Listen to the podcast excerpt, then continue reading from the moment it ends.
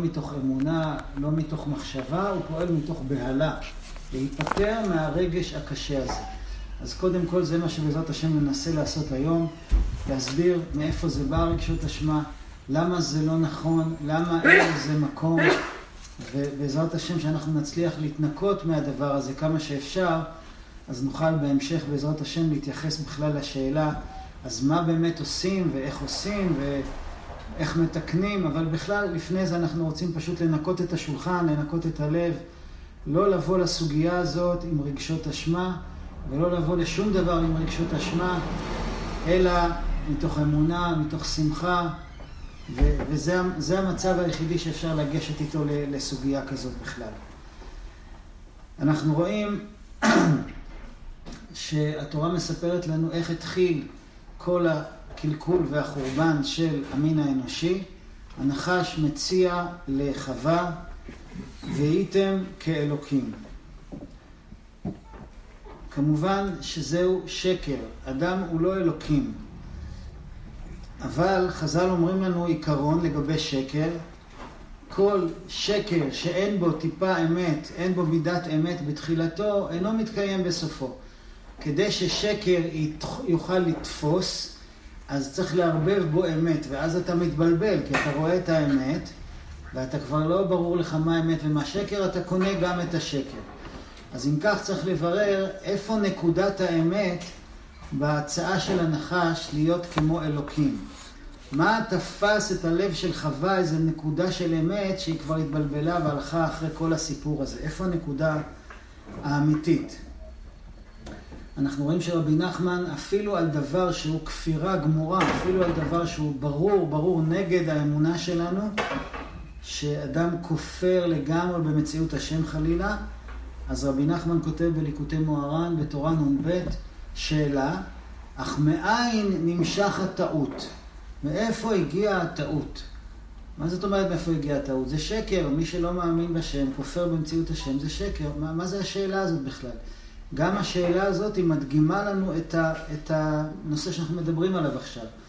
כשרבי נחמן אומר מאין הגיעה הטעות, זאת אומרת שגם טעות וגם שקר, יש לו איזה נקודה של אמת, שהיא זאת שמבלבלת אותנו.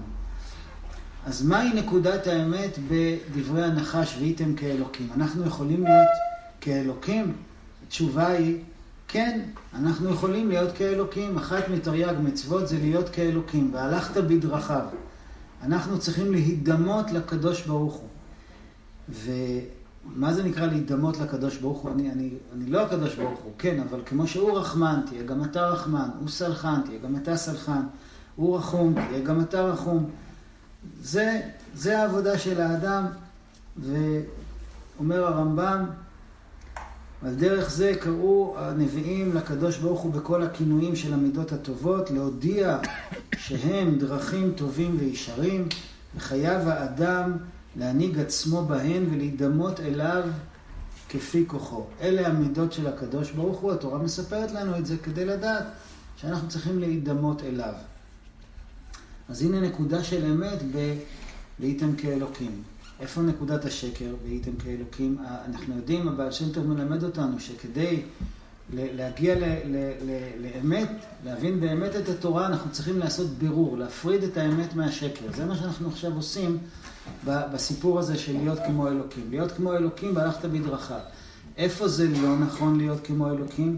מה הנחש החדיר באדם, במין האנושי, איזו טעות של להיות כאלוקים? והייתם כאלוקים, אומר רש"י, שם, באותו מקום שה, שהפסוק אומר והייתם כאלוקים, רש"י אומר והייתם כאלוקים יוצרי עולמות. יוצרי עולמות זה לא. אני לא יוצר עולמות, אני לא בורא שום דבר, אני לא מוציא יש מאין. אני לא יכול להידמות לקדוש ברוך הוא בעניין הזה. הקדוש ברוך הוא כוחו אין סופי, הוא יוצר עולמות, הוא בורא עולמות, הוא מנהיג, הוא שולט בכל, הוא מלך על הכל. זה לא. אז הנה נקודת השקר ב... והייתם כאלוקים. אני לא יכול להיות אלוקים. במילים אחרות, אני לא יכול לשלוט בעולם. אני לא יכול לשלוט בעולם, אף אחד מאיתנו אין לו שום תוכנית לשלוט בעולם. אבל אני גם לא יכול לשלוט בעולם הקטן שלי. אני לא יכול לשלוט, אני לא יכול להחליט שהכל יהיה בדיוק כמו שאני רוצה, להפעיל כוח ואז אני אגיע למטרה שלי. זה, אלוקים לא צריך להפעיל כוח, אבל הוא שולט. אני לא יכול לשלוט. וכמובן, הנשמות שאנחנו אה, רוצים לעזור להן, הילדים שלנו, אנחנו צריכים להבין מה נקרא חינוך, אבל כדי להבין מה נקרא חינוך, אנחנו צריכים להבין מה לא נקרא חינוך. אני לא אלוקים שלהם, אני לא שולט בהם, אני לא יוצר אותם, אני לא בורא אותם. אני צריך רק לחנך אותם. אני אומר רק כי, כי אנחנו רוצים להוריד את העומס מההרגשה הזאת שאני אלוקים. אני צריך, אני, רק מה שאני אעשה, זה מה שיגרום לילדים שלי להיות ילדים טובים. זה הכל רק אני. זה נקרא שגיאה של הנחש וייתם כאלוקים. אה, והרבה פעמים כשבן אדם חושב שהוא צריך להיות אלוקים, זאת אומרת לשלוט, להחליט, אה, לשכנע, להכניע, לקבוע, להראות דרך ולהביא את הילד למקום שאני חושב שהוא צריך להגיע, אפילו אם אני צודק. ברגע שהוא עושה את הדבר הזה, אז בגלל שזה לא התפקיד שלי בכלל, אז אני נכנס ללחץ ולפחד שאני לא אצליח, ובצדק, כי אני לא אמור להצליח, זה בכלל לא התפקיד שלי. וכשאני פועל מתוך לחץ ו- ומתח ופחד, אז שוב פעם אני, בגלל שאני חושב שאני צריך להיות בשליטה מוחלטת, אז אני מאבד שליטה, ואז אני מתחיל לעשות שטויות. שני הדברים, גם שליטה וגם עיבוד שליטה מול הילדים, או מול כל דבר בחיים, זה אה, צריך לחזק את האמונה, זאת אומרת צריך להכניס אה, את הקדוש ברוך הוא לתמונה. זה מאוד מאוד מוזר, כשאנחנו, תחשבו על זה רגע, שיש אה, לבן אדם ילדים. איפה הם היו לפני שהם נולדו? שאלה מצחיקה, מה זאת אומרת איפה הם היו? אני לא יודע איפה הם היו. הם לא היו פה, אבל איפה הם היו? באמת איפה הם היו? הם היו בשמיים. אני לא בראתי אותם, הם היו בשמיים, נשמות, ועכשיו הקדוש ברוך הוא החליט להוריד אותם לארץ. מי דאג להם לפני שהם הגיעו לפה? מי דאג לכל מה שהם צריכים? מי הנהיג אותם? מי פרנס אותם? מי החיה אותם? מי, מי קיים אותם? הקדוש ברוך הוא. עכשיו הם פה. אז מה קרה? הוא כבר הלך, הוא כבר לא בתמונה, הוא לא מחיה אותם, הוא לא מקיים אותם. הוא אמר לי, כך תסתדר, עכשיו זה בעיה שלך, תפתור אתה את כל הבעיות. מי שדאג להם לפני שהם באו לעולם, ואותו אחד שידאג להם אחרי שהם יעזבו את העולם, הוא זה שדואג להם גם כשהם בעולם. גם כשהם בעולם והם אה, ברשותנו, אז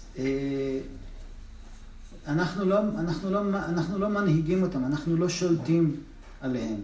האמת היא שזה גמרא מפורשת, חז"ל אומרים אה, במסכת נידה, שלושה שותפים הם באדם.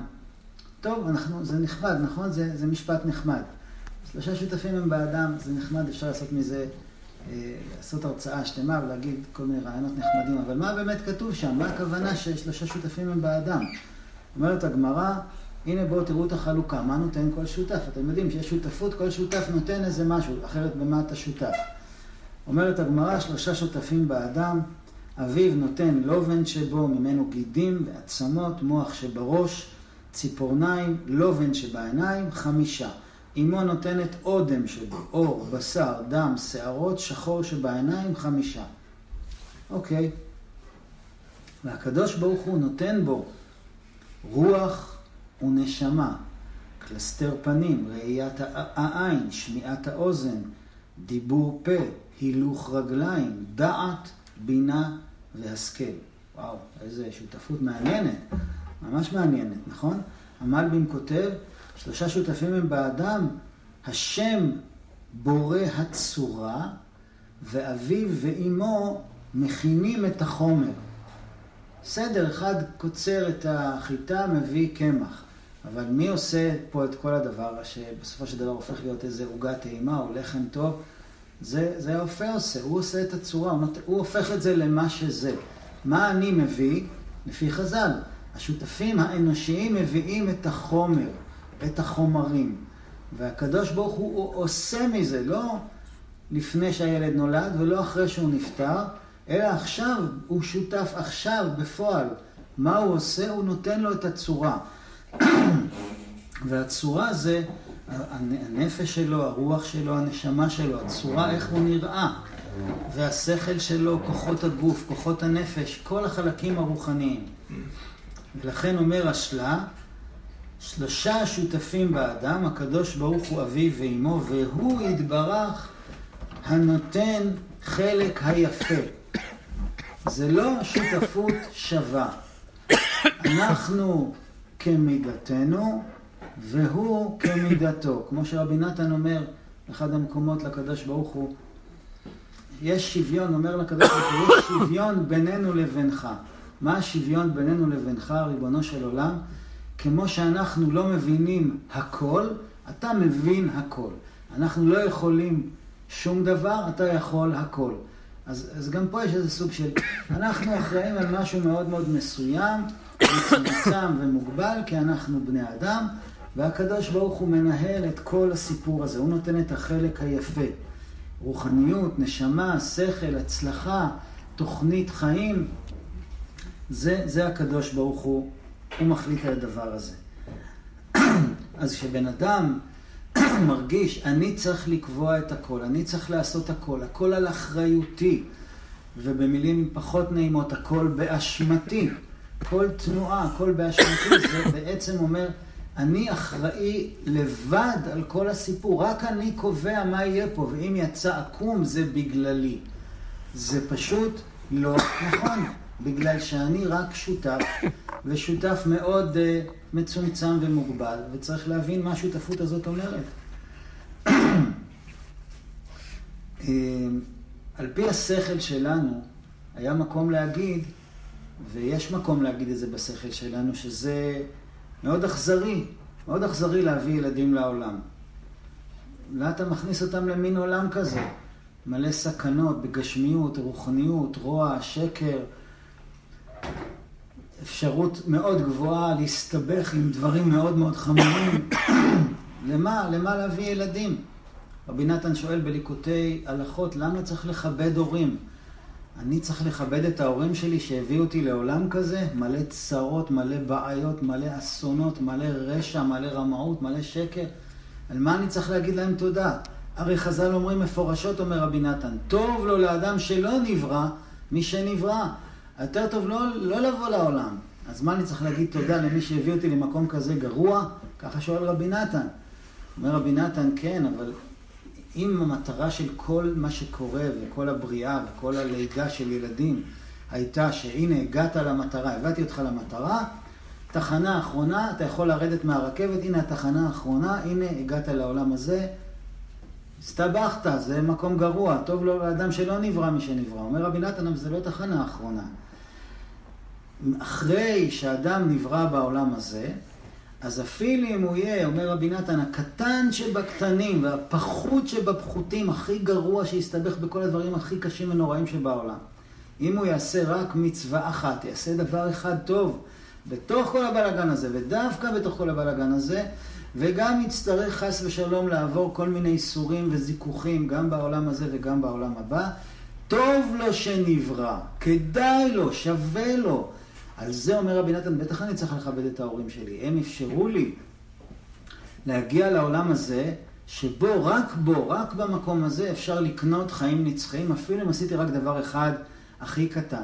אז אנחנו אומרים, למה שהילדים שלי יכבדו אותי? אני לא יודע לחנך אותם, אני לא יודע לגדל אותם, אני עושה מלא שטויות, אני עושה מלא טעויות, אני בעצמי לא יודע מה, מה לעשות עם החיים שלי, מה אני יודע מה טוב להם, וכמה פגעתי בהם, וכמה הזקתי להם, והכל בגללי. הם צריכים לכבד אותך כי ככה הקדוש ברוך הוא ציווה, בגלל ששווה להם לבוא לעולם הזה עם כל מה שיעבור עליהם, כי ככה רק זאת הדרך להגיע לעולם הנצחי. אין, אין מסלול אחר. כל המסלולים סגורים, רק המסלול הזה פתוח. המדרש אומר שנשמה, כל נשמה, לפני שהיא באה לעולם, אז הקדוש ברוך הוא אומר לה, ביתי, הגיע זמנך לרדת לעולם. שואלת הנשמה, עולם זה מהו? על מה מדובר? ואז הקדוש ברוך הוא מראה לה את העולם, ואז היא אומרת, לא, לא מתאים לי, לא מוכנה. ואז הקדוש ברוך הוא אומר לה, בואי אני אראה לך, לאן את תגיעי? אם את בעולם הזה, עם כל מה שיעבור עלייך, תעשי פעם אחת מצווה אחת, תראי לאן זה יוביל. הוא מראה לה את המקום הזה, ואז היא אומרת, אם ככה שווה לי, הכל שווה לי, אין שום בעיה. זה על מצווה אחת, אומר רבי נתן, של הקל שבקלים והפחות שבפחותים. אז כן, עשינו טובה לילדים שלנו שהבאנו אותם לעולם, כי רק דרך פה אפשר להגיע לחיים נצחיים, גם אם עובר על הבן אדם מה שעובר והוא לא מושלם ולא תלמיד חכם ולא צדיק ולא מידות ולא כלום, והסתבך בהשם ירחם, גם זה שווה להביא אותו לעולם הבא. ולמה אנחנו באמת עושים את זה? כי ככה הקדוש ברוך הוא ציווה. לא בגלל שזה הגיוני לנו, לא בגלל שאנחנו בטוחים שנצליח, אנחנו פועלים בתמימות. ותחשבו, כשבא עני דופק בדלת, והוא מתאר לנו, הרבה פעמים העניים הם או שהם באים עם איזה מסמך, או שאם אתה נותן לבן אדם להיכנס ולספר לך מה שעובר עליו, הוא באמת פותח את הלב. אז, והוא מתחיל לספר כמה דברים עברו עליו, איזה משברים. אנחנו נותנים לו צדקה כפי יכולתנו ושולחים אותו לשלום. ועם כל ההשתתפות בצערו, אנחנו ממשיכים לחיות את חיינו. אנחנו לא עכשיו יושבים אה, וחושבים איך לקחת את כל הנכסים שלנו ולתת את זה לעני הזה ולהציל לו את החיים. אנחנו יושבים עכשיו ובוכים עליו אה, ימים ושנים. אנחנו עושים מה שאנחנו יכולים באופן ענייני. כי זה לא מוטל עליי, זה לא מוטל עליי להציל את החיים של כל מי שדופק לי על הדלת, זה מוטל עליי לפי ההלכה לתת לו צדקה כפי כוחי, לעזור לו כפי כוחי. אה, ההלכה מציינת שגם הילדים שלנו, לפחות במישור הגשמי, אה, במקרים מסוימים נחשבים לעניים. שאנחנו מפרנסים ודואגים לילדים שלנו, זה נחשב שאנחנו נותנים צדקה לעניים. אז כמו בעניים, אנחנו פועלים בצורה עניינית. אנחנו עושים את מה שאנחנו יכולים, אנחנו לא אמורים להציל את החיים של העני. אנחנו גם לא אמורים להציל את החיים של הילדים שלנו, אנחנו עושים את מה שביכולתנו. הרב שכטר כותב חידוש גדול, הוא מביא פסוק משלי נדמה לי, קר רוח איש תבונה. הוא נותן הגדרה חדשה ומפתיעה מה זה נקרא קדושה. אנחנו הרבה פעמים מבינים ומתרגמים שקדושה זה דבר שחייב להיות מלווה בהרבה מאוד התרגשות ורגשות, ויש בזה מן האמת.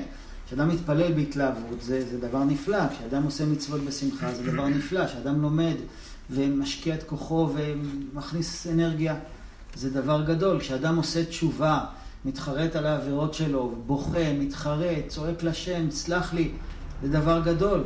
אומר הרב שכטר, יש לנו טעות לחשוב שרק עם הרבה רגשות יש ערך למה שאנחנו עושים. באמת, אומר הרב שכטר, קדושה זה ענייניות. אני מצווה לעשות משהו, אני עושה את מה שאני מצווה. אני לא חייב להלביש על זה הרבה רגשות. אפשר לעשות גם תשובה קרה. שמעתם תשובה קרה פעם? אני מצטער. אני מצטער, אני לא יכול עכשיו להצטער, אני פשוט מצטער. לא, אבל זה לא רואים שאתה באמת מצטער. לא יודע, רואים, לא רואים, אני מצטער. אני אה, מתפלל, אני, אני עושה את מה שאני יכול. כן, אבל לא רואים שאתה מתלהב ומתרגש. בסדר, הלוואי, אבל אני, אני פועל בצורה עניינית. אני מבצע את רצון הבורא בצורה עניינית, קרה, כרוח איש תבונה, אפילו תשובה. אותו דבר אה, לגבי חינוך ילדים. הקדוש ברוך הוא אומר, אני שותף, אני מנהל את העסק, מה שאני רוצה הוא מוגדר. אני לא, לא מצפה ממך שאתה תברא את הילד, תשלוט עליו ולא תעשה טעויות. גם את זה אני, אני לא מצפה. ויש לנו, הרגשות אשמה מכניסים אותנו, זאת אומרת, המחשבה שהכל תלוי רק בי, וזה הכל רק אני, ואני אשם בהכל, גורמת לי להתנהג בצורה שמזיקה לי ומזיקה לילד. בגלל שזה אה, כמו שבן אדם פתאום הלך לאיזו סדנה של הורים ואמרו לו, אתה יודע, אתה צריך להקשיב לילדים שלך. תודה רבה. צריך להקשיב לילדים שלך. אתה מקשיב לילדים שלך? אתה שואל את הילד מה שלמה ואיך הוא מרגיש, ואז אתה מתחיל להתמלא רגשות אשמה, כי כנראה שאתה עסוק בעוד כמה דברים בחיים שמבלבלים אותך ומטרידים אותך, חוץ מלשאול את הילד איך הוא מרגיש. ואם אתה ממש פתאום מבין שאנחנו, הפסיכולוגיה המודרנית היא מאוד נגדנו, כי היא מסבירה לנו שכל מה שקורה לילד בחיים זה בבירור רק באשמתנו, יש לו, אתה עושה לו טראומות, אתה עושה לו שריטות, אתה הורס לו את החיים, ותדע לך, אם אתה אמרת איזה מילה לא במקום, אתה יודע איך זה ישפיע לו על כל החיים. אתה כבר אשם במובנה, לא, עוד לפני שפעלת אתה כבר אשם. אז עכשיו אמרו לך כמה זה לא בסדר שאתה לא מדבר עם הילדים שלך, ואז אתה מתמלא רגשות אשמה. וכמו שאמרנו, רגשות אשמה זה לא כוח אמיתי של קדושה שמזיז דברים לכיוון נכון מתוך יישוב הדעת. רגשות אשמה זה כוח של היצר הרע, ש... שגורם לי בהלה. אני אשם, אני לא בסדר, אני רוצה להיפטר מזה. אז מה אני עושה? אז פתאום אני אומר, הכל בשביל הילדים, אני אעשה את הכל בשבילם. אני, אני לא נתתי להם תשומת לב, עכשיו אני כל יום כמה שעות רק מקשיב לילדים. אני אקח אותם לטיול, שבוע, בהרים, נראה להם פרחים, נדבר איתם, נצחק איתם, נשחק איתם, וזה לא אנושי.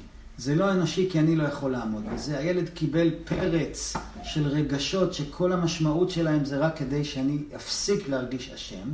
אני לא ממש רואה אותו. הוא קיבל הרבה יותר מדי ממה שהוא צריך, וכמובן אני לא יכול לעמוד בסטנדרט הזה, כי זה לא רצון השם, זה גדול עליי, וכמו שאני התנפלתי עליו פתאום בהקשבות ו- ותשומת לב, ככה זה גם ייגמר לי, והוא ימצא את עצמו המום, בגלל שהוא לא ציפה להתקפה הזאת, והוא גם לא ציפה שזה יפסיק. זה התוצאה של רגשות אשמה, בהלה, פעולות מבוהלות, שזה ההפך מרצון השם. רצון השם זה תמיד, תמיד, תמיד פעולות קטנות מאוד ומדודות מאוד בהתמדה. זהו רצון השם. וזה לא אמור להיות דבר קשה. רבי נתן אומר, תראו איזה, איזה דברים מדהימים רבי נתן אומר. רבי נתן אומר, כל המצוות הן קלות ונעימות מאוד לעשותן. זה ממש על גבול העזות פנים להגיד לנו כזה דבר. באמת זה כל כך קשה, הנה עוד מעט פסח, יש כזה ענן שקוראים לו פסח, שמתקרב בשמיים, שחור כזה, ותכף אנחנו נתחיל לשתות אקונומיקה ולהתחיל להשתגע. מה אתה אומר לי שמצוות זה קל? זה, זה קל נקרא אצלך? ול... מה קל פה? מה קל? שום דבר לא קל, הכל נורא קשה. הכל נורא קשה באמת, הכל נורא קשה. רבי נתן אומר, הכל נורא קל. אז איפה טעיתי בדרך? מה, מה... אני, נכנסתי למצב שאני חושב שהכל קשה. אבל זה באמת לא הסיפור, זה לא יכול להיות קשה. מה שקשה, הנה הפתגם המשמח, מה שקשה זה לא רצון השם. למה? צריך להתייגע, אדם לעמל יולד. נכון, עמל מדוד, סביר, שמתלווה אליו גם סיפוק. עמל שאני יוצא מותש, עייף, עצבני וכועס, זה לא העמל שהקדוש ברוך הוא רוצה. יש פסוק, בנביא שאומר לו, אותי קראת יעקב כי יגעת בישראל. אומר המגיד מדובנה, למה הדבר דומה? לאדם שהוא בעל עסקים גדול, שלח את אחד העובדים שלו להביא משהו מהדואר. אחרי כמה ימים חוזר העובד כולו מזיע, פצוע, עצבני. אומר לו המנהל, מה קרה? אומר לו, מה קרה? אמרת לי להביא לך את החבילה שלך מהדואר. נו, אז מה, למה אתה נראה ככה? למה אני נראה? הנה החבילה שמה למטה. מסתכל הבעל הבית בחצר, רואה שם חבילה של מטילי ברזל עצומה, חלודה. הוא אומר, איך הבאת את זה? הוא אומר, הבאתי את זה? איך אתה שלחת אותי להביא את זה? הוא אומר לו, ממש, ממש, אני ממש מצטער, יש לך טעות. זאת לא החבילה שלי. אני לא הייתי מבקש ממך להביא דבר כזה, אתה התבלבלת בכתובת, זה לא החבילה שלי. אומר המגיד מדובנה, זה מה שהקדוש ברוך הוא אומר לנו. לא אותי קראת יעקב, כי יגעת בישראל. אם אתה מרגיש שדורשים ממך משהו שהוא מתיש, קשה, מסובך, בלתי אפשרי, לא הבנת אותי נכון. זה פסח, זה שבת, זה גם חינוך ילדים. זה לא יכול להיות שנדרש ממני דבר שאני לא מסוגל ואני לא יודע מה לעשות והוא נורא קשה. אם אני חושב שזה מה שנדרש, כנראה טעיתי. זה חייב להיות משהו מדוד וקטן וקל.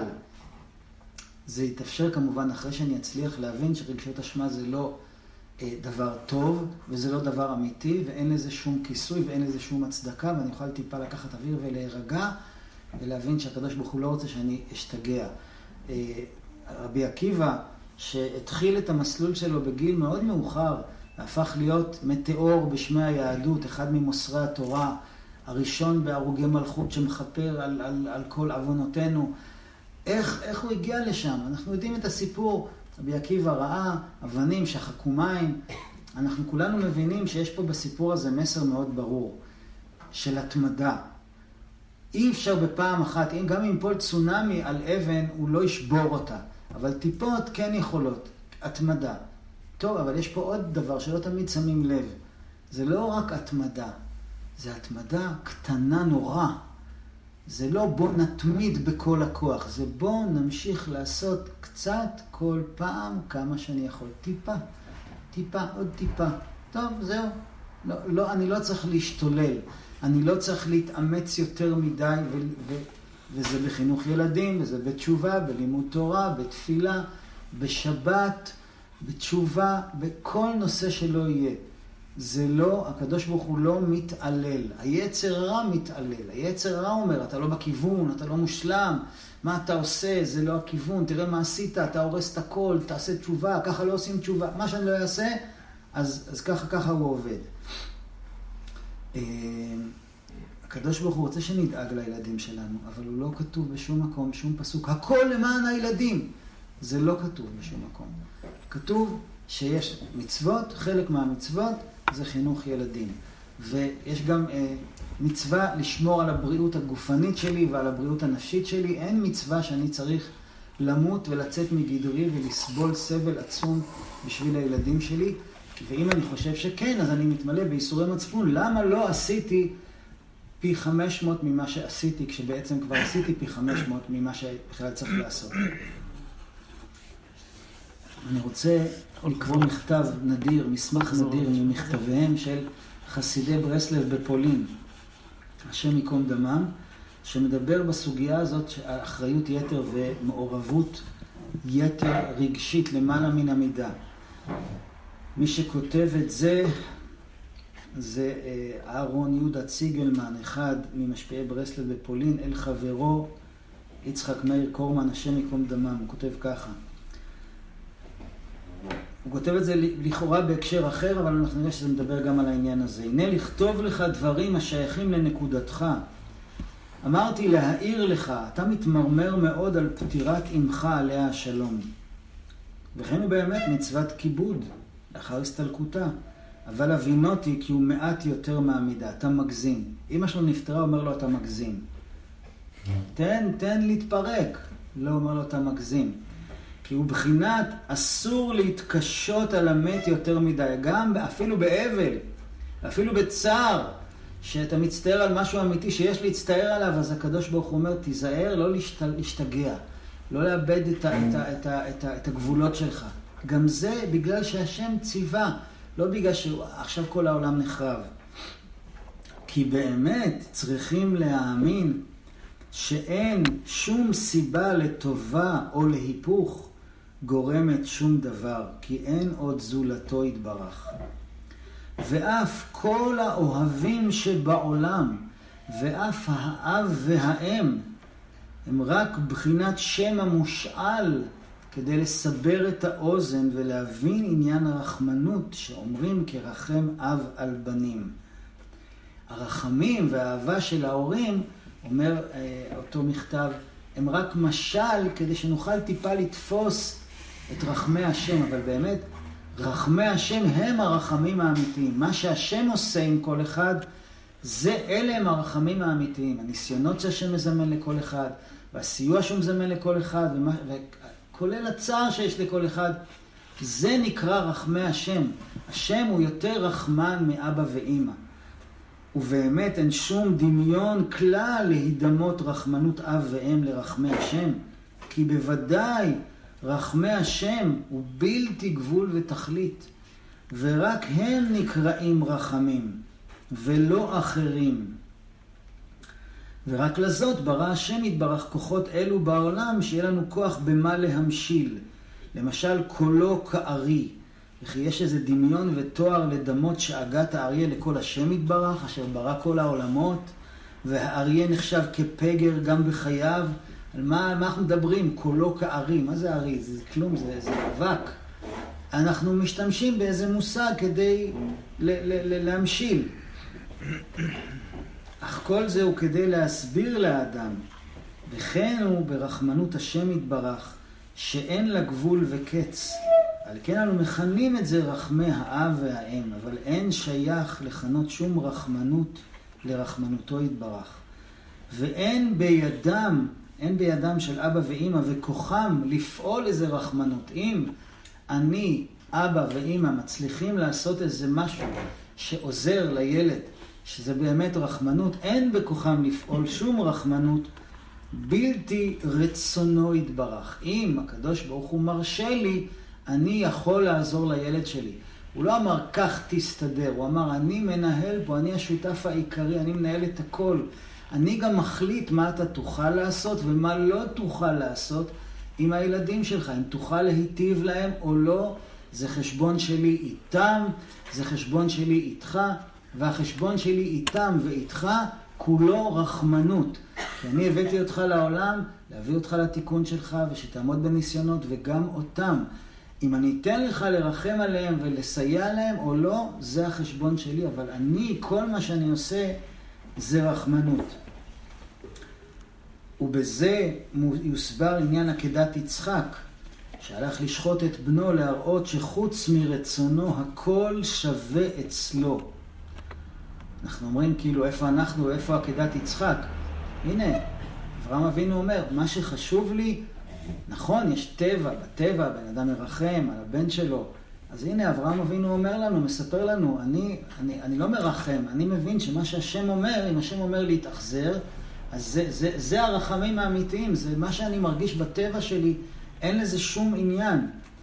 ואם רצון השם יתברך לקשר אדם עם אדם אחר או עם חפץ, זה שלי, הילד שלי, החפץ שלי, הבית שלי, המשרה שלי. אם רצונו לעשות התקשרות של האדם עם אדם או עם חפץ, אז יש לו התקשרות, הוא החליט שזה יהיה הילד שלי לזמן זה שהוא תחתיי. זה יהיה החפץ שלי, זה יהיה הבית שלי. ואם רצון השם יתברך לבלי לעשות התקשרות עם האדם, עם החפצים או עם הממון שחושק, אז לא יהיה אכפת לו. אומר, אומר אותו מכתב, אז זה צריך להיות שלא יהיה אכפת לך, כי השם החליט שזה עכשיו יהיה שלך, וזה לא יהיה שלך, כי באמת שום דבר לא בשליטתך. כי יאמין שרק השם יתברך הוא המקשר והמתיר, המחבר והמפריד, והכל בשביל תיקון האדם ושלמות נפשו. זאת המטרה. אנחנו הרבה פעמים יכולים לחשוב את המחשבה הזאת. הקדוש ברוך הוא נותן לנו, זה כמו שאנחנו נגיד שזה למעלה מיכולתנו לשמור מצוות או לגדל ילדים או כל דבר אחר, כי זה דבר מאוד מאוד קשה, ואנחנו אומרים זה לא יכול להיות שזה קשה, כי כל המצוות קלות ונעימות. אנחנו גם יכולים להרהר בליבנו בלי לשים לב שאנחנו מהרהרים אחר מידותיו. אם הקדוש ברוך הוא שולח אותנו ואת הילדים שלנו לעולם מתוקן, ולא היה כל כך הרבה רשע ופשע וזוהמה ואינטרנט, אז טוב, אז אפשר לחנך ילדים, אבל בעולם כזה, כמו שהיום, מי יכול לחנך ילדים? אז בעצם אנחנו מהרהרים אחר השם. השם יתברך המציא את העולם הזה ואת הזמן הזה ואת הדור הזה ואת הניסיונות האלה כי זאת התוכנית שלו בשביל הנשמות שלנו ושל הילדים שלנו שהגיעו לכאן. זה לא טעות. זה לא טעות. זה בדיוק מה שהוא רצה. והכל בשביל האדם בשלמות נפשו. שרק על ידי זה, רק על ידי זה, הכוונה הניסיונות שכל אחד עובר, תהיה התקשרות אמיתית של נפש ישראל עם השם יתברך. הקדוש ברוך הוא בחוכמתו ורחמנותו שיער והבין שרק כשאני אעבור את מה שאני עובר עם הילדים שלי, ואני אתחזק באמונה, ואני לא אחשוב שהכל זה רק בשליטתי, אני אגיע לתיקון שלי. ועל ידי שהילד שלי יעבור את מה שהוא צריך לעבור, הוא יגיע לתיקון שלו. ולכן, אם כל דבר הנעשה ממילא, אין להתרעם ואין להתעקש ואין להתמרמר יותר מדי.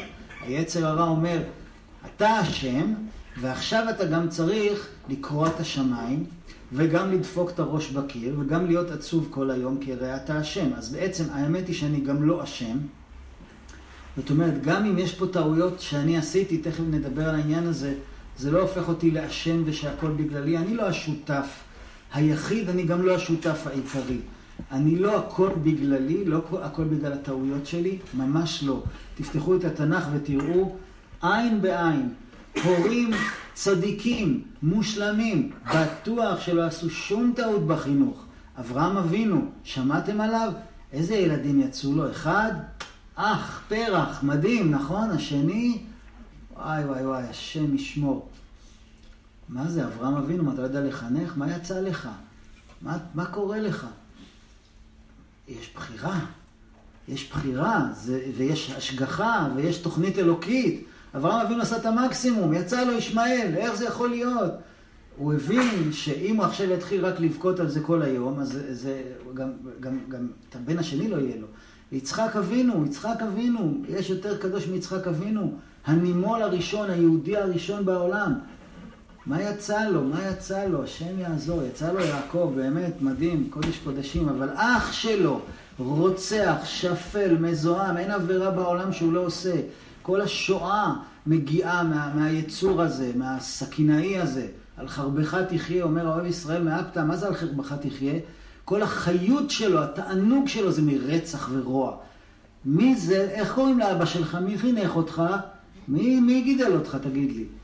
יצחק אבינו גידל אותך, איך, מה, הוא לא יודע לחנך, הוא לא יודע לגדל?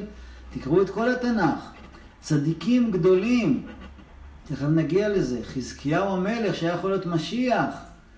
מה, מה, מה קורה איתך? זה מה שיוצא ממך? מנשה מלך ישראל, שמחטיא את כל עם ישראל, הורס את כל עם ישראל, אתה לא יודע לחנך? כנראה שהאנשים האלה בטוח היו יותר צדיקים מאיתנו וידעו לחנך וידעו להתפלל, אבל כנראה שיש בחירה ויש השגחה ויש עוד מישהו בתמונה שמנהל את הסיפור. זה לא רק אנחנו. הנה, הם בוודאי היו מושלמים לפי כל הדעות, ולא הצליח להם. זאת אומרת שזה לא רק מה שאתה עושה, יש פה עוד משהו בתמונה, יש פה עוד מישהו בתמונה. ותראו עכשיו, בואו נסתכל רגע על הסיפור של חזקיהו, אם כבר הזכרנו את זה.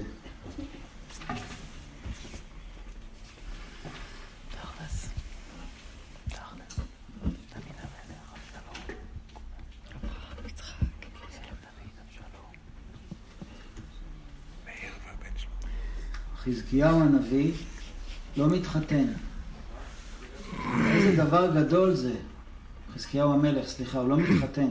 איזה דבר גדול זה, שבן אדם כל כך גדול וכל כך קדוש, מוותר על משפחה, מוותר על, על זוגיות, מוותר על ילדים, מוותר על המשכיות, מוותר על הישארות. אדם שאין לו ילדים, ואם הוא עושה את זה בכוונה, אה, לא יודע, הזוהר אומר, הנשמה שלו מסתובבת לא מוצאת מנוח בעולם הבא אחרי שהוא נפטר. והוא החליט לא לעשות, לא לעשות את זה, לא להתחתן. בא אליו אה, ישעיהו בן אמוץ ואמר לו, צב לביתך כי מת אתה. תדע לך, הקדוש ברוך הוא אמר לי להגיד לך, אתה גמרת, מת אתה, תשימו לב, מת אתה ולא תחיה. ברור שמת הוא לא יחיה. מה זאת אומרת מת אתה ולא תחיה? מת אתה ולא תחיה, מת אתה בעולם הזה ולא תחיה לעולם הבא. הקדוש ברוך הוא בא להודיע לך שאתה גמור, לא יישאר ממך כלום, לא בעולם הזה ולא בעולם הבא. אמר לו, מהי כולי, מה קרה? מה עשיתי? על מה מדובר? אמר לו, משום שלא עסקת בפרייה וביאה. ביטלת מצווה כל כך חשובה של פרו ורבו. אמר לו חזקיהו, שנייה, תקשיב, מה, אני לא יודע שיש מצוות פרו ורבו? אני אספר לך, אני, אני בן אדם גדול, אני רואה דברים נסתרים, תשמע מה שאני ראיתי. ראיתי משום דחזה לי ברוח הקודש דנפקא מיני בנין דלא מעלו, ראיתי ברוח הקודש שיצאו ממני מפלצות שיחריבו את עם ישראל, והחלטתי להציל את עם ישראל מהמפלצות האלה ולא להתחתן. מה הטעם להתחתן? מה הטעם להביא ילדים אם הם יהיו כאלה רשעים, מה הטעם? הגיוני, נכון? היינו, אנחנו היינו מוחאים לו כפיים, כל הכבוד. ויתרת על משפחה, ויתרת על ילדים, ויתרת על שם, לא להביא ילדים, הוא ידע, ברור, סגור, אין פה סימן שאלה. הילדים שלי יהיו רשעים. חס ושלום אחד מאיתנו היה מקבל הודעה כזאת, מה הוא היה חושב? מה הוא היה עושה?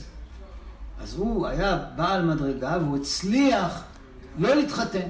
אומר לו ישעיהו הנביא, לא יישאר ממך כלום. עשית דבר חמור ביותר, ביטלת מצוות עשה מן התורה. וישעיהו הנביא אומר לו, בהדי כבשא דרחמנא למה לך? מה אתה, מה אתה משתמש ברוח הקודש? מה אתה מערבב רוח הקודש במצוות? הקדוש ברוך הוא ציווה לעשות מצוות. הקדוש ברוך הוא ציווה, אפשר להשאיר את זה ככה, זה בסדר. הקדוש ברוך הוא ציווה לעשות מצוות. אתה רואה ברוח הקודש מה שאתה רואה? איפה כתוב בתורה שלפי מה שאתה רואה ברוח הקודש משנים את המצוות? יש מצוות. אתה יודע מה זה מצוות? בורא עולם, הוא שליט עליון, הוא ציווה, הוא אמר שצריך לעשות את זה. זה מה שהוא אמר. מה, מה אתה מתעסק בכל מיני דברים נסתרים שהקדוש ברוך הוא, יש לו תוכניות כאלה, תוכניות אחרות? מי מרשה לך לעשות כזה דבר, לבטל מצווה בגלל שאתה רואה שהילדים שלך יהיו רשעים? איפה כתוב בתורה שאני מצווה לקיים פרו ורבו רק אם הבנים שלי יהיו צדיקים? והוא רואה שהם יהיו רשעים, ממש רשעים. אתה היית צריך לעשות, אומר לו ישעיהו הנביא, מה שהקדוש ברוך הוא ציווה אותך.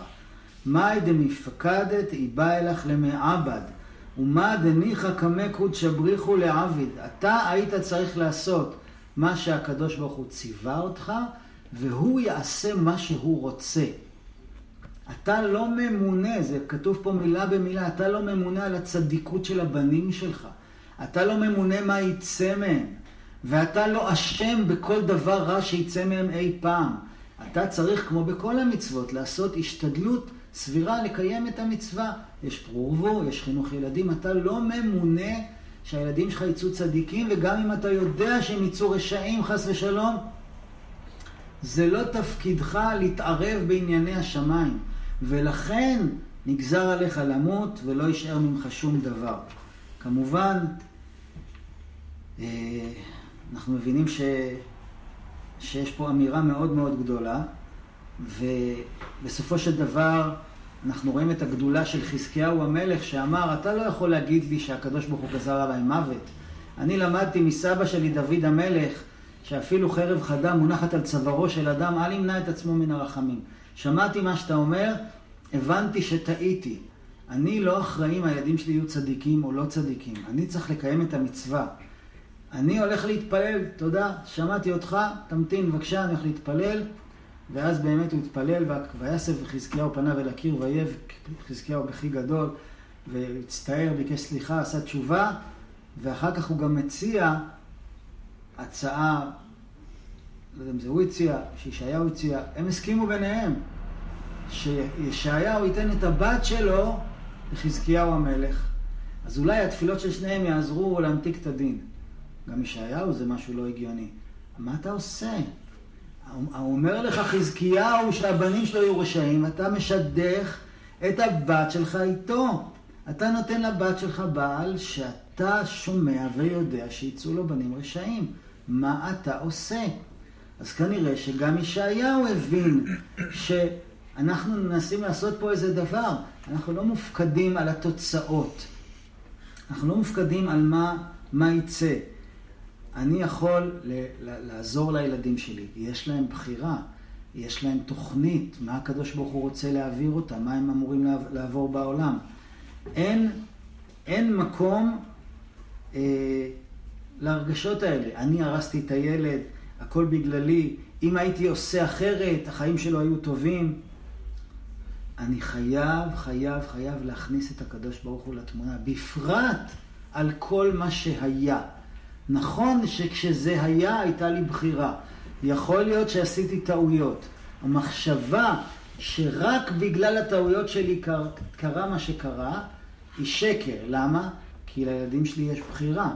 א', ב', הקדוש ברוך הוא מנהל את החיים שלהם, הוא מחליט מה יהיה איתם, גם אם יהיו רשעים וצדיקים זה עניין שלו, זה החלטה שלו. וגם אם עשיתי טעויות שהשפיעו,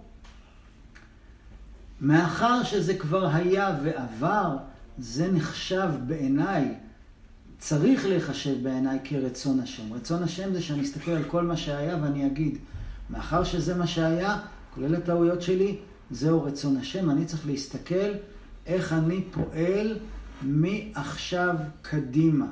ואני צריך לעשות מאמץ כמה שיותר גדול להפסיק להרגיש אשם כאילו הכל תלוי בי. זה לא נכון, זה לא העניין שלי. כמובן, אם טעיתי, ואני לא מתוך איסורי מצפון ורגשות אשמה והיסטריה ובהלה, מזהה, מגלה שטעיתי, אז אני יכול לעשות תשובה. אני מצטער, אני מבקש סליחה, אני יכול לתקן הכל, כל מה שבכוחי, שוב, לא על ידי השתוללות. אני יכול להתפלל, אני, אני צריך לעשות את מה שאני צריך. ולפעמים אנחנו רואים את זה לאחר מעשה, שיש מצב שמראים לבן אדם שכל הסיבובים שהוא עבר, והסיבובים שהילדים שלו עברו, מראים לו את, את החוכמה האלוקית שיש בדבר הזה. אבל גם אם אני לא אראה את זה, אני, אני אמור להאמין בזה. אני לא לבד, זה לא הכל עליי. וגם מה שעליי לא אמור להיות קשה, וגם אם טעיתי, אני יכול לעשות תשובה. ובסופו של דבר, מה שעם הילדים שלי זה לא, לא, לא קשור באופן ישיר למצווה שעשיתי ולחינוך שנתתי. הקדוש ברוך הוא מנהל את העולם, הוא השותף השלישי. בעזרת השם נדבר על זה בהמשך גם על העניין של, של תפילה, איך צריך להתפלל. נזכיר עכשיו רק נקודה אחת בתפילה, כי זה מאוד מאוד חשוב. מאוד חשוב לעניין שלנו. וזה מאוד דומה למה שאנחנו מתארים. אה, הייתה בזמן, בזמן, אה, קצת אחרי הזמן של רבנו, הייתה גזירה ברוסיה של קנטוניסטים, שהצאר הרוסי, הרשע, החליט שצריך לקחת ילדים לצבא, ילדים בעיני, לא יודע, שש, שבע, שמונה, לא יודע, לקוחים אותם, ו-25 שנה הם צריכים להיות בצבא. אם הם נשארים בחיים עם כל מה שעובר עליהם, יהודים הם בטח לא נשארים, ואם הם חוזרים בגיל 40 הביתה, כבר לא נשאר מהם שום דבר. בוא נגיד, אימא שלקחו לה ילד כזה, זה כמו ששוחטים אותו מולה, בתכלס. ומסופר שאישה אחת, חטפו את הבן שלה לצבא הרוסי, והיא הלכה, נכנסה לבית כנסת, פתחה את ארון הקודש, בכתה, צעקה, התפללה עד שהיא מתה, מרוב צער. אנחנו בתפיסה המוטעית שלנו יכולים להגיד, או, או, ככה צריך, זה, זה רציני, הנה, ככה צריך, צריך למות בשביל זה. הכל בשביל הילדים, גם למות. רבי נתן שמע את הסיפור הזה, והוא אמר, היא טעתה. בסוגריים צריך לשאול, מה זה טעתה? זה מה שהיא הרגישה. מסתבר שיש לנו שליטה גם על הרגשות. היא טעתה, היא הגזימה, היצר הרע הפריז ברגשות שלה. אומר רבי נתן, אם היא הייתה באה אליי, הייתי מלמד אותה דרך לתפילה, שבוודאי בלי ספק הייתה מצילה את הבן שלה ועוד רבים אחרים. מה הדרך לתפילה? לא להשתגע. כל יום קצת, כל יום קצת. טיפות על המים, כל יום קצת, כל יום קצת. יש לי חבר, חסיד ברסלב, בעל אה, משפחה ומעשים ואיש אשכולות כמו שקוראים לו, הוא סיפר לי סיפור. הוא אומר לי, אנחנו גדלנו, זה בהקשר לעניין של התפילה. וגם שוב, תפילה זה לא בהשתוללות ולקרוע את השמיים. אי אפשר לקרוע את השמיים, זה רק עושה כאב גב ועצבים ומתח. צריך משהו מדוד, מדוד, מדוד. והוא אמר לי, אנחנו היינו בלי אבא, שלושה בנים עם אימא. אימא עבדה קשה מהבוקר עד הערב. אנחנו הסתובבנו ברחובות של תל אביב לפני חמישים שנה. ואין לנו אבא, ואני מכיר את שלושת האחים. כל אחד כוכב. אחד אה, אה, רב מפורסם, הקים כולל, זכרונו לברכה, נפטר. השני, כל אחד.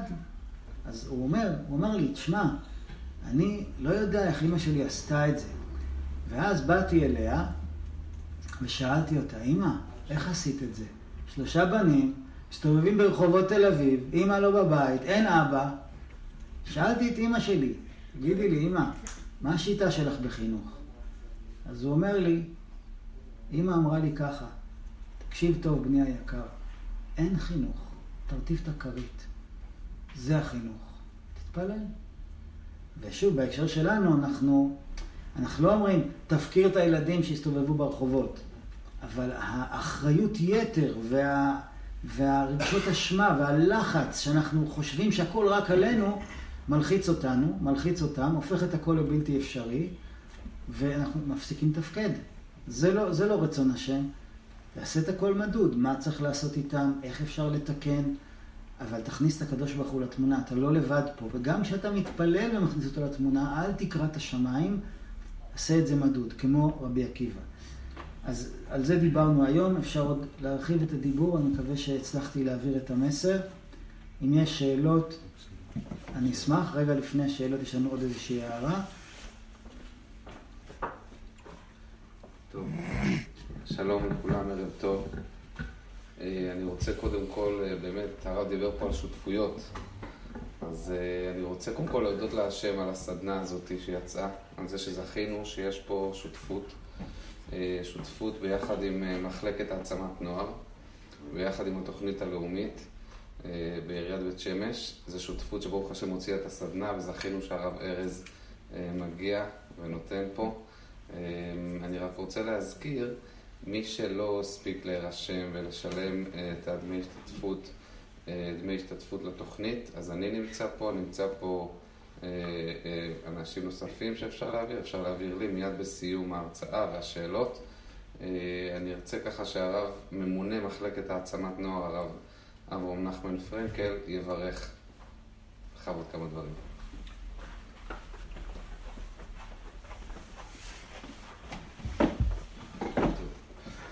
אז ערב טוב לכולם, דבר ראשון אני אה, מקווה רק שלא להרוס אחרי אה, הרצאה כל כך אה, חמה ונלבבת. אני, אני ממונה על הנושא של הנוער החרדי, ואנחנו, אחד הדברים שאנחנו שמנו לנגד עינינו, אני שמח באמת, דיבר איתי על שותפויות, על הנושא הזה, שיש לנו שותפים שרואים את זה עין בעין איתנו, כי בסוף בסוף אנחנו מבינים שהבעיה, אחת הבעיות, מתחילה אצלנו קוראים, אני מדבר עליי, אני גם ברוך השם אבא לילדים, ילדים בוגרים שמתחילים, אחד הדברים זה ההאשמות שלנו והחוסר נכון בגישה שלנו לכל הסיפור הזה. אז דבר ראשון, ההתחלה ששמענו היום על הנושא הזה של... דבר ראשון, יש ריבונו שלו מכל הסיפור הזה. אני די מופתע על זה שאתה יודע, הנושא כל כך חשוב, ואיך כל תושבי בית שמש לומדים פה בתור, פשוט מפה עד צאלים למטה ושומעים את הדברים האלו, כי מבחינתנו אני חושב שזה משהו ששייך לכל הורה, לכל בית יהודי, לכל... זה משהו שמלווה את כולנו. ולצערנו, יש את המושג של אה, תכבד אה, העבודה על אנשים ועל יישוב בדברי שקר, אמר אה, פרעה, כבר אבי הרעיון הזה. אנחנו כולנו נמצאים בשוטה וזה, הכל עובר על ידינו ואין לנו דקה של שימת לב. ברוך השם, יש פה קבוצה של אנשים שכן לקחו את הדבר הזה קדימה וכן החליטו להיות כאן במקום הזה. כדי לראות מה עושים עם עצמנו, ודבר ראשון, מה לדעת מה אנחנו לא עושים, איפה, איפה החלק שלנו לא נמצא, וגם איפה אנחנו כן נמצאים בסיפור הזה. אני באמת מודה לרב אה, ארז משה דורון, בבהירות שלו ובבירור שיש לו בכל הנושאים בכלל, ובפרט בנושא הזה של נוער שהוא יהיה איתנו באמת ויסביר וייתן קצת, אה, אה, ישפוך לנו על הסיפור הזה. אני מקווה בעזרת השם שמכאן תצא, השיעורים יתפרסמו בעזרת השם, שיהיו עוד ועוד אנשים באמת שיבינו, הדבר הכל כך חשוב, כי מבחינתנו זה התחלה של הרבה מאוד עתיד של, אה, בכלל של הילדים שלנו ושל הילדים שלנו וכל ההמשכיות. תודה איתי צברי, התוכנית הלאומית, והמנוע מאחורי כל הרעיון הזה, אה, והעמדה לכולם. שאני אעזור שנזכה באמת להמשיך לעשות טוב. כמובן נמצא פה אה, מנהל מחלקת העצמת נוער, ונברוצקי, שבשנים האחרונות הרבה מאוד פרויקטים בסגנון הזה עברו דרכו. באמת להכשיר עוד ועוד, שוב, כמו שאמרתי קודם, החשיבה איך אנחנו מכינים את, את עצמנו כהורים כדי לראות את הדור הבא, ומה לא לעשות כדי לא להרוס. אז בעזרת השם שכולנו נזכה שיהיה נחת מהילדים, שנזכה להיות באמת הורים טובים, ילדים טובים, המשכיות של עם ישראל, לעשות הטוב. יישר כוח.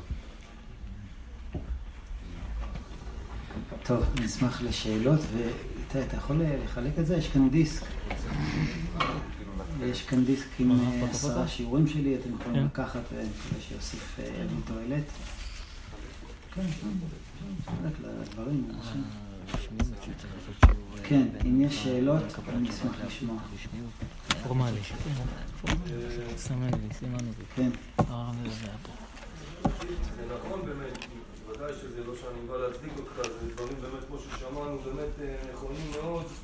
והלוואי שנתחיל ליישם אותם, אבל בתכלס, בפועל, שאתה בניסיון עם הילדים, פיני פנחס. לא וזה לא מתלבש. עזוב עכשיו את ההאשמות. תכלס, איך אני מוריד את זה לפועל, אולי אני מקדים את המאוחר, לא יודע, אבל... בסדר, יש לנו אנשים לא להאשים, ו... אנחנו לא דיברנו על לא להאשים, אנחנו דיברנו על לא להיות מואשמים. כן, לא להאשים את עצמנו, התכוונתי. הרבה, הרבה, הרבה מהטעויות שאנחנו עושים זה בגלל המחשבה השגויה שאני אני חייב להיות מושלם, אני חייב להיות אה, האבא המושלם, אסור לי לעשות טעויות, כל ציוץ שלי לא בכיוון, אני הורס את הילדים שלי, וזה בעצמו גורם לי אה, להילחץ, לפחד, להיות היסטרי, לעשות שטויות, להקפיד יותר, לכעוס יותר. אם נכניס אמונה שיש פה עוד מישהו בתמונה, זה תהליך, זה לא ביום אחד, אז, אז גם התוצאות בשטח יתבטאו בעניין הזה, באופן פשוט. כמו שאנחנו יודעים, אם אני עצבני על משהו, לא משנה, בעבודה, הילדים גם משלמים על זה. מה הקשר? זה אני, אני מביא את עצמי. אז, אז אם אני יותר מלא באמונה, יותר מלא ב... ב לאט לאט מתמלא בהכרה ש, שאני לא צריך להיות מושלם, אז, אז, אני, אז אני אפסיק אה, לנסות להיות מושלם. כי זה נורא, נורא, נורא מעצבן, נורא מכביד להיות מושלם. חז"ל אומרים, למה המלך הראשון שהקדוש ברוך הוא בחר לעם ישראל, למה הוא נכשל? שאול המלך, הקדוש ברוך הוא בעצמו בחר אותו. אז התשובה היא מאוד מוזרה. הוא היה מושלם. נכשלת. הוא היה מושלם. אי אפשר, אי אפשר, אנחנו לא, הקדוש ברוך הוא אומר, לא, לא, מושלמים יש לי מספיק מלאכים, אני לא, לא צריך מושלמים. אני לא יכול להיות מושלם, אני לא צריך להיות מושלם. כל השיגעון מושלמות הזאת, זה הפסיכולוגיה המודרנית, בצירוף אה, דעות של עשיו, של אה, כל מיני פסגות והצלחות ומקום ראשון ותחרותיות. נכנס לנו גם לזוגיות, גם לחינוך הורים, אנחנו מתחילים בתור אשמים. קודם כל אנחנו ספסל הנאשמים. אז אנחנו רוצים לרדת משם. אני לא, אני לא האשם, אני לא אחראי פה על הכל. ואם, אנחנו, כמובן זה לא ב, ב, ברגע אחד ששמענו את זה, זה נכנס ללב. נכניס את זה ללב, נרגע. נרגע, נעשה פחות שטויות ממילא. התוצאה היא ישירה על, על הילדים. פחות נהיה קיצוניים על איזה אסון קרה עם כל דבר שאמרתי, או עם כל דבר שהילד עשה. בסדר, בסדר, יותר, נהיה יותר קלים עם עצמנו, ירד מפלס העצבים של מתי אני אהיה מושלם, אז זה גם תוצאה ישירה בחינוך. אבל הבסיס הוא קודם כל בו אנחנו פועלים מתוך בהלה. זה, זה התוצאה ההרסנית של רגשות אשמה. אנחנו פועלים מתוך בהלה. ומי שפועל מתוך בהלה עושה שטויות. אז אנחנו רוצים קודם כל להירגע, להירגע, שהכל בסדר. ואם חזקיהו המלך אה, קיבל הוראה להביא ילדים שהקדוש ברוך הוא חתום לו שיצאו רשעים, אז אנחנו ברוך השם לא במצב הזה, עוד יכול לצאת לנו צדיקים בעזרת השם. וגם אם לא יצאו מושלמים, יעשו איזה מצווה בחיים. רבי נחמן אמר, אני, אני, נוח לי ומתאים לי ומסתדר לי שיהיו לי ילדים, אפילו מהילד שלי רק אה, יניח תפילין. אנחנו, הסטנדרט שאנחנו מכניסים לעצמנו הוא הרבה יותר חריף. זה שיגעון השלמות. זה לא רצון השם, זה לא התורה. לא, צריך להתקדם, צריך שאיפות. רגע, שנייה, שנייה, שנייה. אני לא מושלם, הילדים שלי לא צריכים להיות מושלמים. והתפיסה הזאת, שהיא בעצם אמונה, היא אמורה להרגיע את כל המהומה ואת כל הבהלה, ואז אפשר להתחיל לראות מה כן עושים. אבל אם אני, אם אני מתחיל לעשות בגלל שאני אשם, אז, אני, אז יישברו לי החפצים בידיים תוך כדי שאני עושה. אני, אני חייב לסדר את הכל כי אני עשיתי פה בלאגן. הכל בסדר, השם בתמונה, אתה צריך להיות מושלם, השם יודע מי אתה, יודע מי הילדים שלך, הכל בסדר. מפה אנחנו מתחילים, רוצים קודם כל להירגע, לפני שאנחנו נותנים אה, ארגז כלים, וככה צריך, וככה לא צריך, בסדר, וגם לא נגיע, אני מקווה לא להגיע לסגנון כזה בכלל, כי זה עוד פעם, אה, תראה מה אתה היית צריך לעשות, ואיך אתה לא מתבייש שלא עשית את זה. אני, אני מתבייש, כל היום אני מתבייש, מהבוקר עד הערב אני מתבייש על כל הטעויות והשטויות שאני עושה, אבל אה, אני, אני רואה גם, גם לי יש ילדה גדולה שעברה מה שעברה, ו... וכמות הטעויות שעשיתי היא בלתי נתפסת, חמורות, לכל הדעות. אני יודע שאם לא הייתי סולח לעצמי ומבקש גם ממנה סליחה, לא היה בינינו שום דבר עכשיו, ולא הייתי יכול להתקדם בקשר איתה לשום מקום. אני, אני, אני יודע שכשפעלתי מתוך רגשות אשמה זה תמיד רק החמיר את העניין. זה מהניסיון האישי שלי, זה מה שזה עשה. אני אשם, אז בואו נעשה משהו לתקן את זה, אבל מתוך בהלה זה נהיה יותר גרוע. אז, אז קודם כל, יש, יש השם בעולם, והוא מתכנן לכל אחד את החיים שלו. ו, וגם מה שאני עובר מול הילדים שלי זה גם חלק מהתוכנית שלי, זה לא, לא במקרה. אה, אם הייתי פעם, הייתי פעם, אם הייתי בדורות של התנאים והזה, והייתי מגדל ילדים שם, בטח הלך, היה הכל הולך יותר טוב. אז שלמה המלך אומר לו, אל תאמר שהימים הראשונים היו טובים מאלה, כי לא מחוכמה שאלת על זה. פעם היה טוב, אומר שלמה המלך לא. החפץ חיים אומר, אה, המקום אשר אתה עומד עליו אדמת קודש הוא. כל מקום, כל מצב שיהודי נמצא בחיים שלו, בעולם, מתחילת הדורות עד סוף כל הדורות, איפה שאתה נמצא, יש שם קדושה. יש שם מה לעשות לכבוד השם. זה אולי לא כמו בסיפורי צדיקים, אבל זה, זה כמו שזה אצלי, כן, יש פה, יש פה משהו טוב לעשות. אז אנחנו מנסים להבין איפה, איפה אנחנו. אז אנחנו קודם כל בידיים טובות, אנחנו בידיים של השם. גם אנחנו, גם הילדים שלנו. ויש לו תוכניות. אנחנו לא יודעים מה התוכניות, אבל הוא השותף העיקרי. אנחנו מנסים, מנסים להאמין בזה. מנסים פשוט להאמין בזה. זה, זה מה שאנחנו מנסים לעשות.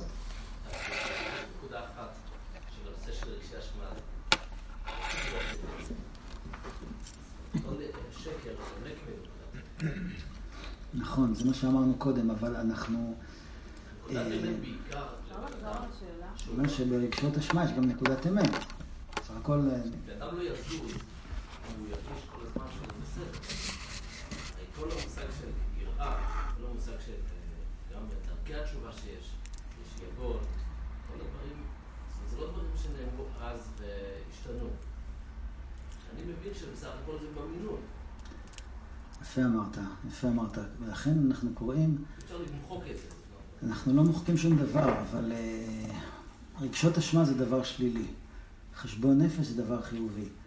Uh, תשובה זה דבר חיובי. הכל היום, המושגים שלנו מבולבלים. אנחנו לא יודעים לזהות את התכונות בנפש. וזה באמת מעניין שאתה אומר את המילה מינון, כי כשחז"ל קוראים לתכונות הנפש בשם, הם קוראים לזה מידות. פירוש המילה מידות זה מינונים. הצד השני של מה שאמרנו זה חוסר אכפתיות. זה לא הבעיה שלנו. אנחנו רוצים להתייחס לבעיה שלנו. הבעיה שלנו זה אכפתיות יתר, היסטריה שגובלת בחולשת אמונה. לכן אנחנו מדברים על הדבר הזה. כש, כשזה יתאזן, שוב, השאלה, עם מי מדברים? הבעיה שלנו היא לא חוסר אכפתיות, היא אכפתיות יתר בהגזמה והפרזה ש, שמור, שמורכבת גם משגיאה אמונתית שהכל רק עלינו. אנחנו מדברים על הנקודה הזאת. תמיד, תמיד זה ככה, כשמדברים על נקודה אחת, נראה כאילו שוללים את ההפך.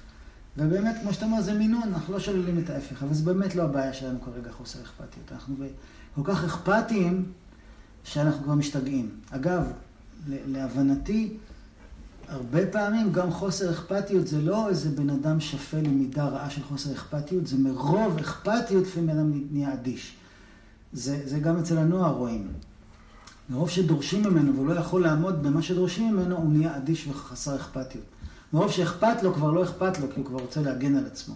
אז אפילו חוסר אכפתיות היא, לדעתי, תוצאה של אכפתיות יתר. אני, אני חושב שזה הזיהוי ש, של הדבר. אבל שוב, אני לא, אני, לא, אני לא מכיר אנשים שבאמת לא אכפת להם מהילדים שלהם. אולי גויים, אבל יהודים לא, לא פגשתי. אז, אז לא זאת הבעיה. כן. אני רוצה לשאול לגבי, אני מבין שיש, אנחנו יודעים שאנחנו פה, יש השפעה של ההורים על הילדים, כמובן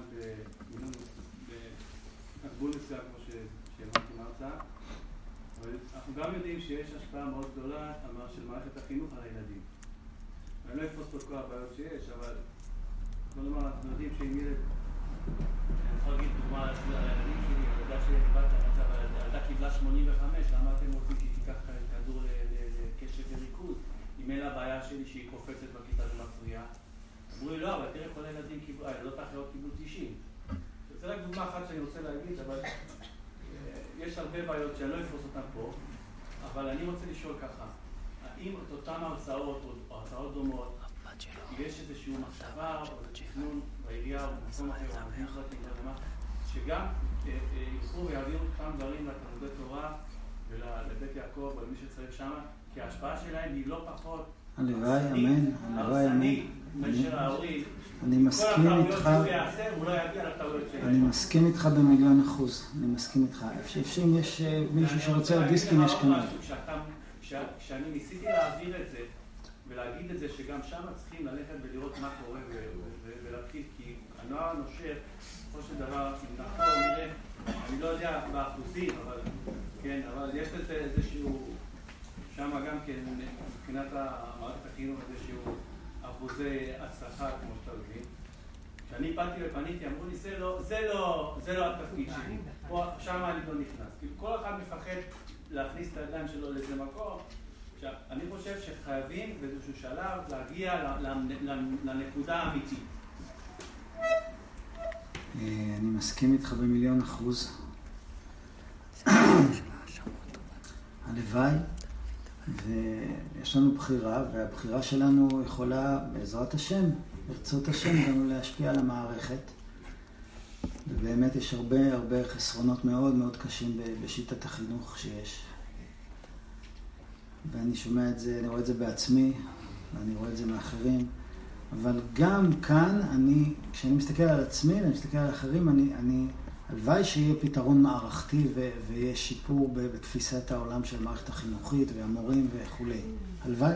וזה לא בלתי אפשרי, ו- וצריך לשאוף לזה ולחתור לזה. מצד שני, כשאני מסתכל על עצמי או על אחרים מול המערכת החינוכית,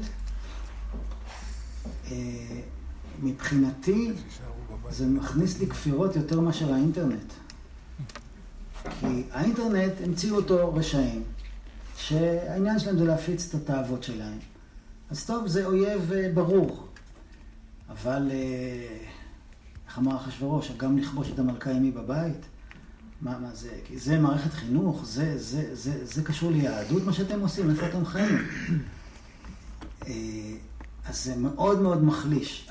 וכשמשהו מחליש אותי כל כך, אז אני מבין שאני צריך גם לפה, עד כמה שזה באמת, זה נשמע באמת משימה מאוד מאוד קשה. גם לפה צריך להכניס את הקדוש ברוך הוא. גם את זה הקדוש ברוך הוא ברא.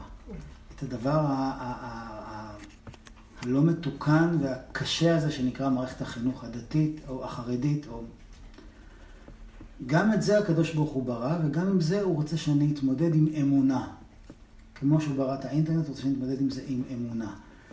אמונה זה אומר שאני לא יכול להשאיר את הילד שלי בבית ולגדל אותו לבד, וגם אם אני אחפש סביב כל כדור הארץ, ואני פחות או יותר חיפשתי ברוב כדור הארץ, אם יש איזה מקום שפוי, רק שפוי, לא ביקשתי, סתם שפוי, נורמלי, לא מצאתי. אז הכל זה ברירות מחדל, ו- ואני עצמי עושה עבודה, עבודה מאוד מאוד קשה להכניס את הקדוש ברוך הוא לסיפור הזה, כי, כי זה קשה. אבל, אבל באמת אנחנו צריכים להאמין שגם פה הקדוש ברוך הוא נמצא. לפני שנעשה מהפכה וניצור אה, חלופה שפויה. ו, ו, ויחד עם זה, זה לא יחד, זה המשך של אותו דבר. אני, אני מאמין וגם יודע ש,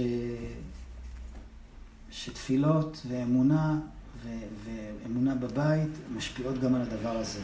יש פה איזה, יש פה איזה בומרנג. אם אני עצבני ממערכת החינוך, או מהסכנות והפיתויים שיש ברחוב, וזה גורם לי להיות בהיסטריה כל הזמן, אני גם בהיסטריה מול הילדים שלי. והיסטריה מול הילדים שלי, היא לא תוביל אותם לשום מקום טוב, חוץ מאשר הם יהיו בעצמם בהיסטריה. בגלל שאף אחד לא רוצה להיות בהיסטריה, אז זה בעצמו יכול לגרום להם להיבעט החוצה. ההיסטריה שלי, לפחות בבית, צריכה להיפסק. זאת אומרת, אני, אני, צריך, לבוא, אני צריך להביא אמונה לבית שלי. ואמונה כוללת גם את האינטרנט, וגם את מערכות החינוך, וגם את כל הניסיונות שהדור הזה עומד מולו. וגם פה אני לא יודע מה היה בדורות הקודמים, אם היה יותר טוב, אם היה יותר רע, אני לא יודע, אבל זה, זה המצב.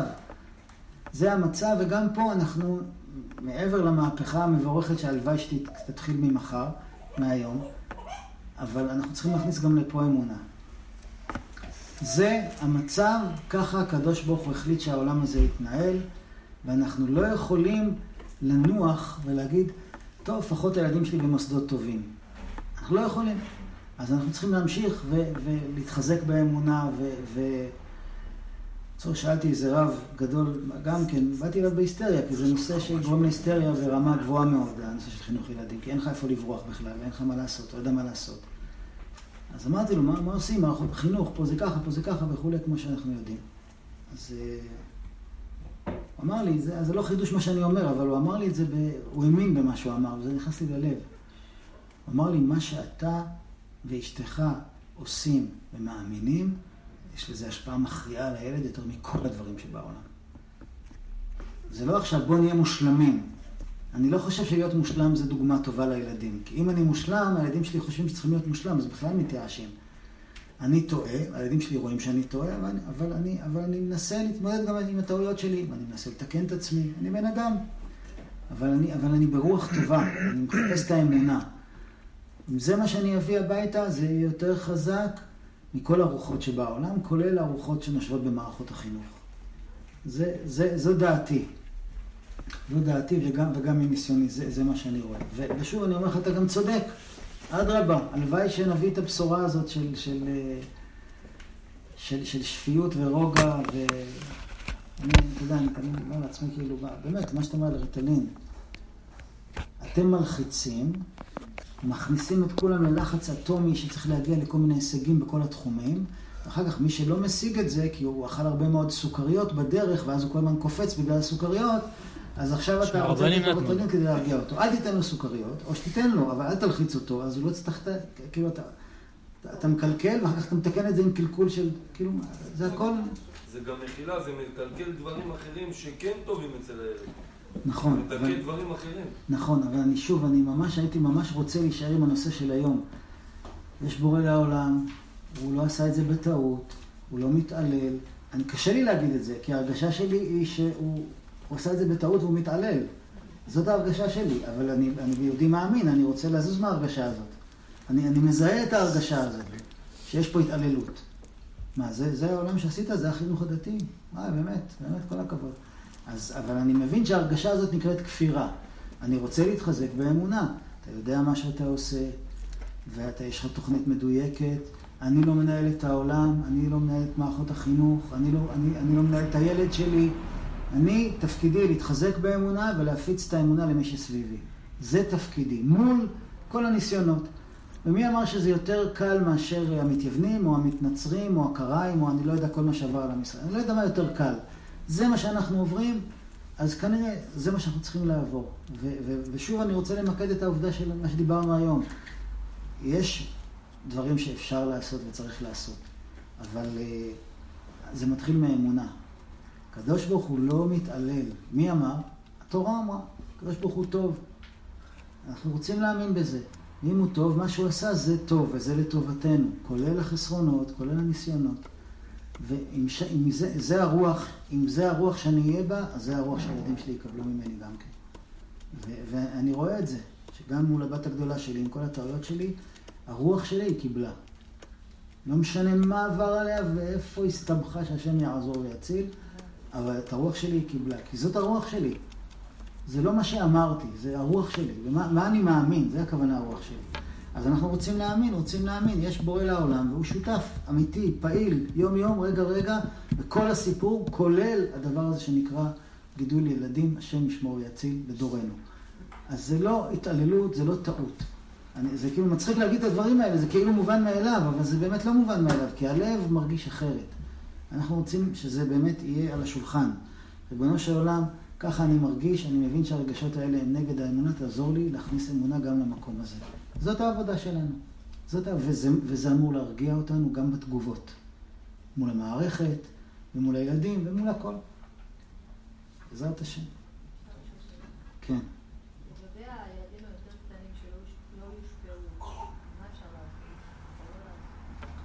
לא יושפעו ממה?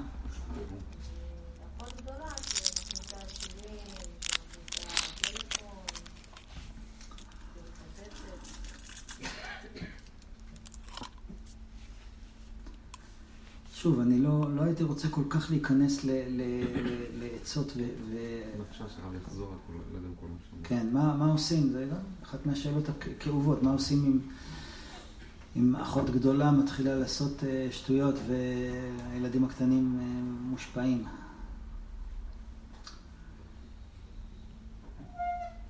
זה נושא בפני עצמו, אבל אני חושב שכמובן הכל בנועם, אבל צריך לשים גבולות. בבית שלנו מתנהגים ככה. אנחנו, אנחנו משפחה, זה הבית שלנו, אנחנו רוצים, יש לנו כללי התנהגות. אה, אז טוב, זו סוגיה של, של גבולות, איך שמים גבולות. אבל אה, אם היא מצפצפת, אז צריך לראות מה, מה אפשר לעשות כדי שזה באמת אה, ישתנה. זה, עוד פעם, זה כל מקרה לגופו. אנחנו צריכים, עוד פעם, אני, אני, יש פה הרבה הרבה נושאים, אבל אנחנו צריכים אה, לקחת אוויר אני רוצה שנתרכז בנושא שלנו. הילדים שלי מתחצפים אליי, והילדים שכולנו מתחצפים עליהם, מהשנייה שהם נולדים כבר מתחצפים. כי יש פה משהו. האדמו"ר מפסצנה אומר שהדור הזה, הדורות שלנו, הנשמות צריכות כזאת עוצמה נגד הסטרא אחרא, שזה מה, שחז"ל אומרים, חוצפה יסגה, שיהיה הרבה חוצפה. אז אומר האדמו"ר מפייסצנה שהחוצפה הזאת נדרשת להם כדי להתמודד מול כל הרוע שבעולם. צריכים להיות חוצפנים מול הרוע. אז זה יוצא גם בדרכים אחרות שהם הם, הם חוצפנים, אבל זה, זה, הכוח, זה הכוח שהם צריכים. צריך לנתב את זה, לא צריך לגרזן את זה. שים לזה את המקום, בוא נראה איך אתה, איך אתה משתמש עם הדבר הזה. אבל זה לא רע, רק זה לא מנותב. צריך לראות איך, איך עובדים עם הדבר הזה. אבל אה, טוב, זה שוב, זה, זה נושא, נושא בפני עצמו. אבל גם אם נחזור לעניין של התפילה, כי אנחנו היום בסוגיה של אמונה, אה, אני חייב להגיד לכם שלא ב, לא בקריאת שמיים אני ראיתי בחינוך ילדים ראיתי ניסים, ניסים ונפלאות עם תפילה, ניסים. ניסים ונפלאות, אתן לכם דוגמה. אה, כולנו יודעים מה קורה להורים עייפים שחוזרים מהעבודה והילדים שלהם מתחצפים או נמרחים באמבטיות או, או כל דבר שאין לך, וזה יום אחרי יום וזה בכל התחומים, מהבוקר עד הערב או שהם רבים. בקיצור, הם עושים הרבה רוגע. ילדים זה דבר שמאוד מרגיע. ה... וזה עוד לפני שהם מתחצפים ומסתבכים עם דברים. סתם בטבע שלהם הם פשוט מרגיעים. נכון? כמו שאתם מסכימים איתי לגמרי. אני, אני באופן אישי ראיתי, לצערי, שהתגובות שלי הן מאוד קשות. ביחס, אני מבין בשכל ש, שאין מקום להגיב בצורה כל כך חריפה על זה שלא יודע, הילד אה, צבע את כל הקירות של הבית. זה סך הכל אה, ככה זה ילדים עושים, זה לא... או אפילו קיר אחד, זה לא... זה מה שילדים עושים, זה כל... הם רק עושים שטויות, הם לא עושים דברים הגיוניים. אין מה להתפלא עכשיו שדחפת בננה לאמבטיה. אה? אי אפשר להיות רגוע. אז הנה, אני רוצה לספר לכם חידוש. אז אני למשל מאוד לא רגוע. אני ממש לא רגוע, ואני גם עצבני. אבל אה, אני חייב להגיד, לספר לכם נס שקרה לי. אני פשוט אמרתי לקדוש ברוך הוא, לא פעם ולא פעמיים, ריבונו של עולם, תראה, זה הילדים שלי, אני לא רוצה להתעצבן עליהם, אני לא רוצה לכעוס עליהם, אני מבין שזה לא טוב, ואני כמובן מלא ברגשות אשמה ואיסורי מצפון מכאן עד הודעה חדשה, שאני בטח הורס להם את החיים, עושה להם טראומות ושריטות והכל וזה, וזה גורם להיות יותר עצבני. אני ממש ממש מתחנן, תשנה אותי. אני לא יודע להשתנות, אין לי כפתור ללחוץ. אני, מה שהם עושים, דבר הכי קטן מעצבן אותי, ואני מתעצבן עליהם, אני לא רוצה להתעצבן עליהם. לא רוצה. אני יודע שזה שלילי, וככה לא יום ולא יומיים. הקדוש ברוך הוא, יש לו את המקלדת שלי, ויום אחד הוא פשוט לחץ על סטופ. אני מתעצבן עליהם, אבל זה לא, לא דומה למה שהייתי. להתפלל, להתפלל לקדוש ברוך הוא, להתפלל, ריבונו של עולם, אני לא רוצה לכעוס. אני לא יודע מה לעשות. הלכתי לסדנאות נגד כעס, נהייתי יותר כעסן. הסבירו לי כמה אני אשם בזה שאני כועס. די, לא רוצה, עזבו אותי. בסדר, הבנתי שאני אשם, הבנתי. ריבונו של עולם, תעזור לי. ולמחרת עוד פעם, ריבונו של עולם, אני לא, אני לא מוכן, אני לא מוכן שזה ימשיך. אני לא מוכן שזה ימשיך. אני לא יודע מה לעשות. זה גדול ממני. אמרת שיש לי בחירה. אני לא רואה את הבחירה שלי. בבקשה, תעזור לי, תרחם עליי. אסור להתנהג ככה, זה לא יהודי. עוד יום ועוד יום ועוד יום. והיה רגע, אני אומר לכם, רגע, רגע. תיק, דילית. עוד פעם, לא נהייתי מלאך, ואני מתעצבן, אבל זה הרבה יותר טוב. השם עשה את זה, לא אני, יש לי שותף. אני לא לבד בסיפור הזה. אני לא יכול לעשות כלום בלי שהוא, כמו, ש, כמו שראינו פה, בלי שהוא ייכנס לתמונה.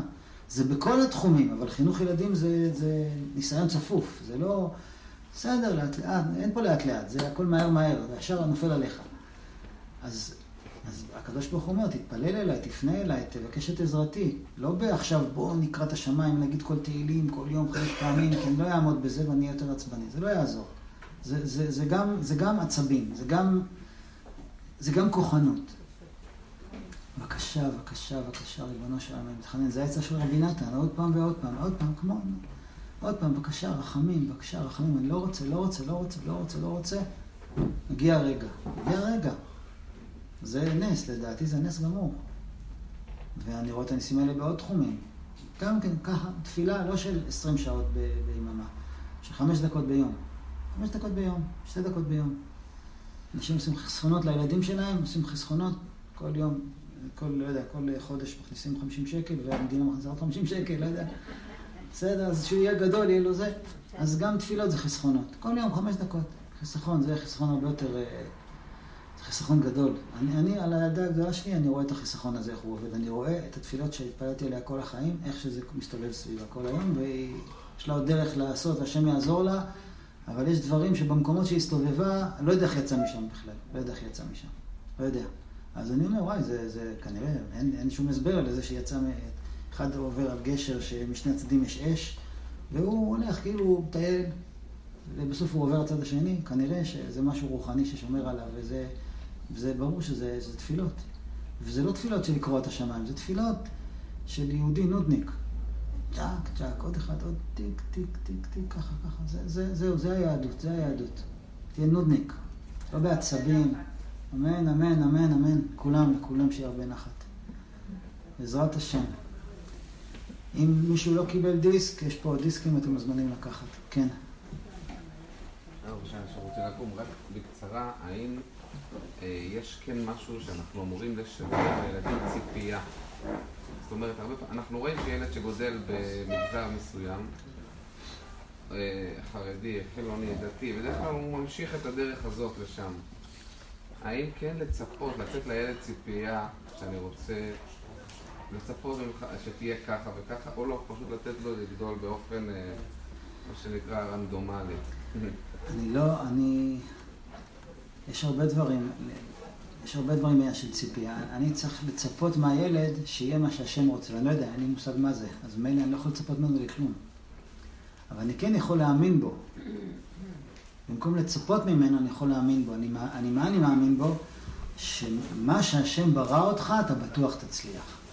יכול להיות שלא תצליח לעמוד בסטטוס החרדי של תלמיד חכם, יכול להיות שלא תצליח לעמוד בכל מיני הגדרות, אבל מה שהשם ברא אותך, בטוח שאתה תצליח, כי אתה טוב. אתה טוב, אתה תצליח. אז, אז זה ההפך מציפייה. ציפייה זה טענה.